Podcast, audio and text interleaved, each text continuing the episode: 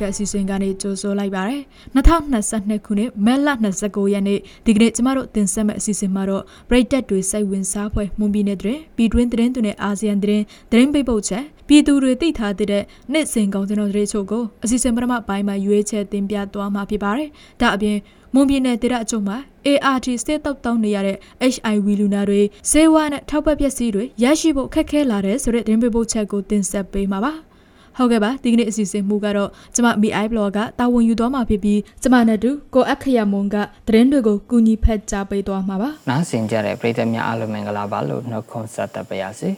ကျွန်တော်အခရမွန်မှ MI blog နဲ့အတူသတင်းတွေကိုကူညီတင်ဆက်ပေးသွားမှာပါ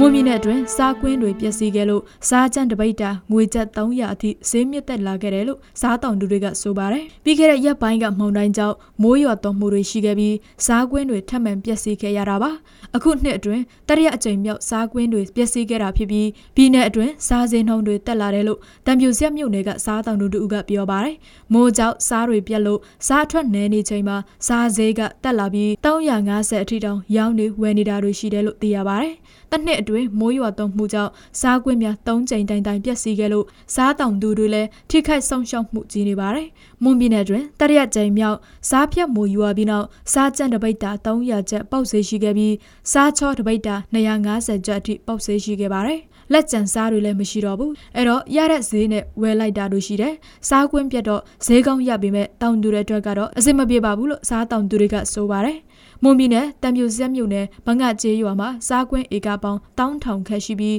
မိုးမဖြတ်ရင်စားပိတ်တာချိန်900ကျော်ခက်ပုံမှန်ထွက်ရှိတဲ့ဒေသဖြစ်ပါတယ်။ရေးမြို့နယ်နဲ့ပေါင်မြို့နယ်မှာလည်းနေလှန်းစားလုပ်ငန်းတွေလောက်ကိုင်းလျက်ရှိပါတယ်။မွန်ပြည်နယ်အတွင်းမှာပြီးခဲ့တဲ့ဖေဖော်ဝါရီလကစတင်ပြီးဆောက်လုပ်ရေးလုပ်ငန်းတွေရပ်နာလာခဲ့တာကြောင့်အောက်လုပ်ငန်းလုပ်ကိုင်သူတွေရုံးပေါ်နေတယ်လို့အောက်လုပ်ငန်းရှင်တွေကဆိုပါတယ်။ဆောက်လုပ်ရေးလုပ်ငန်းနဲ့ပြင်ဆင်ရေးလုပ်ငန်းတွေရပ်နာထားလို့အောက်ဝယ်လိုအာတိဒေတာကျဆင်းလာခဲ့တယ်လို့မှုတုံမြို့နယ်က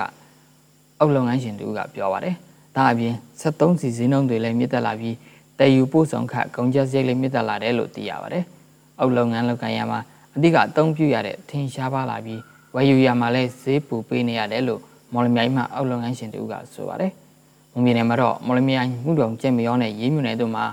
အုပ်လုပ်ငန်းကိုအများဆုံးထုတ်လုပ်လုပ်ကိုင်နေကြပြီး ဝန်ပြည်နယ်ကထွက်ရှိလာတဲ့အုပ်တွေကိုမြန်မာနိုင်ငံကတိုင်းနယ်ပြည်နယ်တည်တည်တွေကိုတင်ပို့ရောင်းချနေတာဖြစ်ပါတယ်။ချင်းပြည်နယ်ဟာခါမြို့မှာစစ်ရဟတ်ရင်တစည်းဒီနေ့မနက်9နာရီခွဲလောက်ကဟာခါမြို့နယ်အမှတ်266တပ်စခန်းကြားကထင်းရှူတော်တွေကိုပြက်ကျခဲ့တာလို့စစ်ကောင်စီပြောခွင့်ရသူဗိုလ်ချုပ်စောမင်းထွန်းကမီဒီယာတွေကိုဒီကနေ့အတည်ပြုပြောပါတယ်။ ဒီနေ့မနေ့ကလေးကနေဟာခါကိုတက္ကသိုလ်ဝင်တန်းစာမေးပွဲမေကွန်းတွေတွားပို့တဲ့ရဟတ်ရင်တွေရှိတယ်။9နာရီ20လောက်မှာဟာခါကရဟတ်ရင်ကွင်းကိုစိုက်တဲ့အချိန်မှာအောက်ကနေပစ်ပြီးတိုက်တက်လေပေါ့။အဲ့ဒါပြီးတော့ရဟတ်ရင်ကွင်းနဲ့မိသားတရားလောက်စိုက်ခါနီမှာပျောက်ကျသွားတာရှိတယ်။ရဟတ်ရင်ကအမိကျိုးသွားတယ်။ဒါကလုံခြုံရေးအဖွဲ့ရဲ့ပညာရေးဝန်ထမ်းတွေရဲ့ပါတယ်လို့ RFA သတင်းဌာနကိုဗိုလ်ချုပ်စောမင်းထွန်းကဖြေထားပါတယ်။ရဟတ်ရင်ပေါ်မှာပါလာတဲ့စစ်မှုထမ်း2ယောက်နဲ့အယက်တာပညာရေးဝန်ထမ်း3ယောက်တို့ကိုတော့ဟာခါမြို့ကဈေးရောင်တစ်ခုမှာပေးနေပြီးထိခိုက်မှုအနှဲငယ်သာရှိတဲ့အတွက်စိုးရိမ်စရာမရှိဘူးလို့လည်းဆိုပါတယ်။ဇာမေဘွဲမေကွန်းတွေလည်းပြက်စီးမှုမရှိဘဲတက်ဆိုင်ရနေရတွေစီကိုပို့ပေးလိုက်ပြီး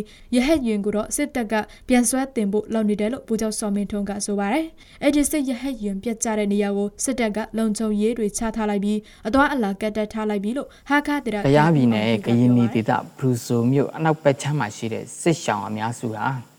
ဖျားနာနေကြပြီးကိုပေးယောဂဟုတ်မဟုတ်တည်းလဲအတီးပြုစစ်စစ်နိုင်တာမရှိဘူးလို့စစ်ဆောင်ကူညီသူတွေကပြောပါတယ်။ဒါအပြင်အာဟာရအချိုးတက်မှုတွေရှိနေတယ်လို့ဆိုပါတယ်။လက်ရှိအချိန်မှာနံပါတ်ဆက်တရခက်ခဲတာကြောင့်အစားအသောက်အပြင်စေဝါရရှိဖို့ခက်ခဲနေပဲလို့ဆိုပါတယ်။လက္ခဏာတွေကတော့ကိုပေးလို့ထင်ပါတယ်။စစ်ကြည့်ဖို့ကလည်းမရှိတော့ဒီတိုင်းဖျားနာကြတယ်။ရာတီတုပ်ကွေးတွေလို့ယူဆထားကြတယ်လို့ဒူဆိုနောက်ပတ်ချမ်း စစ်ဆောင်စခန်းကူညီနေသူတူဦးကမီဒီယာတွေမှာဖြေကြားထားပါတယ်။နောက်အပြင်ဘရူဆိုနောက်ဘက်ချမ်းက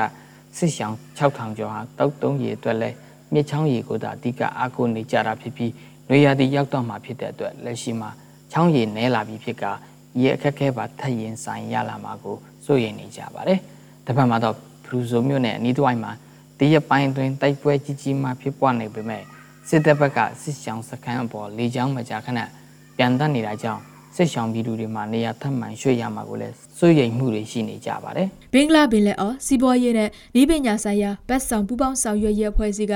နက်ဖြန်သည့်ကျင်းပမဲ့ညီလာခံကိုတက်ဖို့နာဇာကကောင်စီကိုဖိတ်မယ်လို့ဖွဲ့ရက်လှက်ကြဥက္ကဋ္ဌတာဝန်ယူထားတဲ့တိရိလင်္ကာနိုင်ငံကတနေ့ကပြောလိုက်ပါတယ်။ဒီလိုဖိတ်ဖို့စောင့်ဖြတ်တာနဲ့ပတ်သက်ပြီးမြန်မာကိုမဆက်ဆံပဲအထီးကျန်ပစ်ထားမဲ့အစားလက်သွဲခေါ်တာကပိုကောင်းတယ်လို့တိရိလင်္ကာကအငိမ့်စားရည်သက်ပိုးကြောက်ကြီးလည်းဖြစ်လက်ရှိနိုင်ငံသားရေးဝန်ကြီးကပြောပါတယ်။ ဒီနေ့အစီအစဉ်မှာအဖွဲ့ဝင်နိုင်ငံတွေကနိုင်ငံသားရေးဝန်ကြီးတွေတက်ရောက်မှာဖြစ်ပြီးနာဇာကကောင်စီရဲ့နိုင်ငံသားရေးဝန်ကြီးဦးဝနမောင်လွင်လည်းအွန်လိုင်းကနေတက်မယ်လို့ဆိုပါတယ်။ မနေ့ပြန်မှာတော့သီရိလင်္ကာသမ္မတရာဂျက်ဘတ်ကဆာကတဘာပရိပြုလုပ်မဲ့ညီလာခံမှာဘင်္ဂလားဒေ့ရှ်အိန္ဒိယဘူတန်နီပေါထိုင်းနိုင်ငံနဲ့နတ်စကကောင်စီရဲ့ခေါင်းဆောင်တွေတက်ရောက်စကားပြောမယ်လို့သီရိလင်္ကာအစိုးရအရာရှိတွေကဆိုပါတယ်ဖေဖော်ဝါရီလကနယူးဒေလီမှာကျင်းပခဲ့တဲ့နိုင်ငံခြားရေးဝန်ကြီးတို့ရဲ့အစည်းအဝေးမှာဘင်္ဂလားဒေ့ရှ်အိန္ဒိယဘူတန်နီပေါထိုင်းနိုင်ငံတို့ကအကြံပြုတဲ့အတွက်မြန်မာကိုဖိတ်ဖို့သီရိလင်္ကာကစောင့်ဖြတ်ခဲ့တာလို့လည်းသတင်းမှာရေးသားထားပါတယ်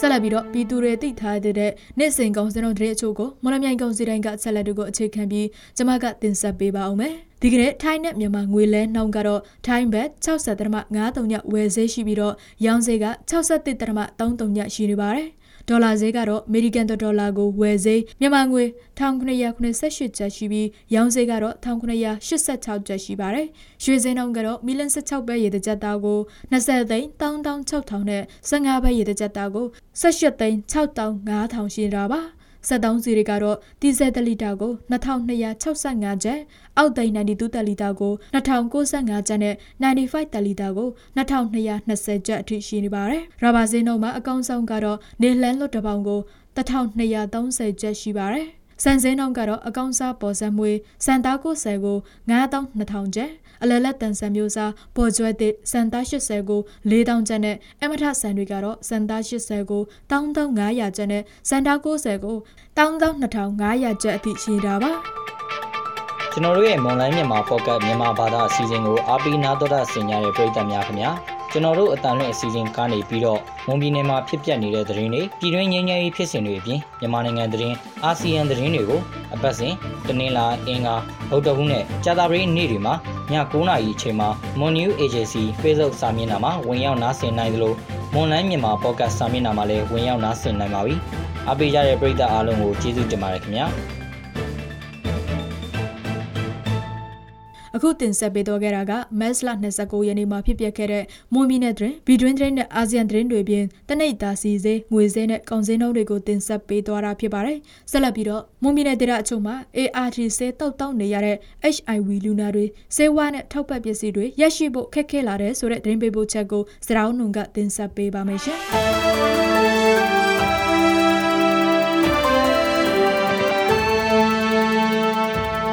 မွန်ပြည်နယ်အတွင်း HIV လူနာတွေဆေးဝါးရယူဖို့နဲ့ထောက်ပံ့ပစ္စည်းတွေရရှိဖို့အခက်အခဲရှိနေတယ်လို့ HIV အရေးကူညီနေသူတွေကဆိုပါတယ်။နာဆကကောင်စီလက်ထက်မှာအသိပညာပေးမှုအပိုင်းကာကွယ်ရေးပစ္စည်းထောက်ပံ့ရေးနဲ့ဆေးဝါးပို့ဆောင်ပေးရမှာအခက်အခဲတွေရှိနေတယ်လို့ဆိုပါတယ်။ဒီဆေးကတော့အစိုးရဆေးရုံကတော့မပြတ်လက်တာတော့မရှိပါဘူး။ဟောပေးနေတာပေါ့နော်။ဒါပေမဲ့အဲ့ဒီအချိန်မှာသူတို့ရက်ချိန်အချိန်မှာမရောက်တာဘူးဆိုမရောက်ဘူးဆိုရင်တော့ ဆေးပြတ်တာတို့ ဘာတို့တော့ ရှိမယ်။အဲတချို့ သွားလာအခက်အခဲဖြစ်တဲ့အချိန်မှာဟိုအဲ့ဒီအခက်အခဲတွေလည်း ရှိတယ်။ HIV လူနာတွေတော့ဆေးဝါးလောင်လောက်မရဖို့ ဆေးပြတ်တဲ့အခြေအနေတွေ ကြောင်တွေ့လာရပြီးယောဂပြင်းထန်လူတချို့ ဆေးပြတ်ပြီး အသက်ဆုံးရှုံးမှုတွေ ရှိလာနေတယ်လို့ ဆိုပါတယ်။ ယောဂကုသခံရသူများစုကလူငယ်တွေဖြစ်နေပြီးအသိပညာပေးတာအကာအကွယ်ပစ္စည်းတွေမထောက်ပံ့နိုင်လို့ယောဂကုသမှုနှမြင့်တက်လာတယ်လို့ HIV နဲ့လိန်လောက်သားရေးကူညီနေသူတို့ကပြောပါတယ်။မွန်ပြည်နယ်အတွင်းမှာ HIV ယောဂကုသခံထားရပြီး ART ဆေးတောက်တောက်နေသူ9000ကျော်ရှိတယ်လို့သိရပါတယ်။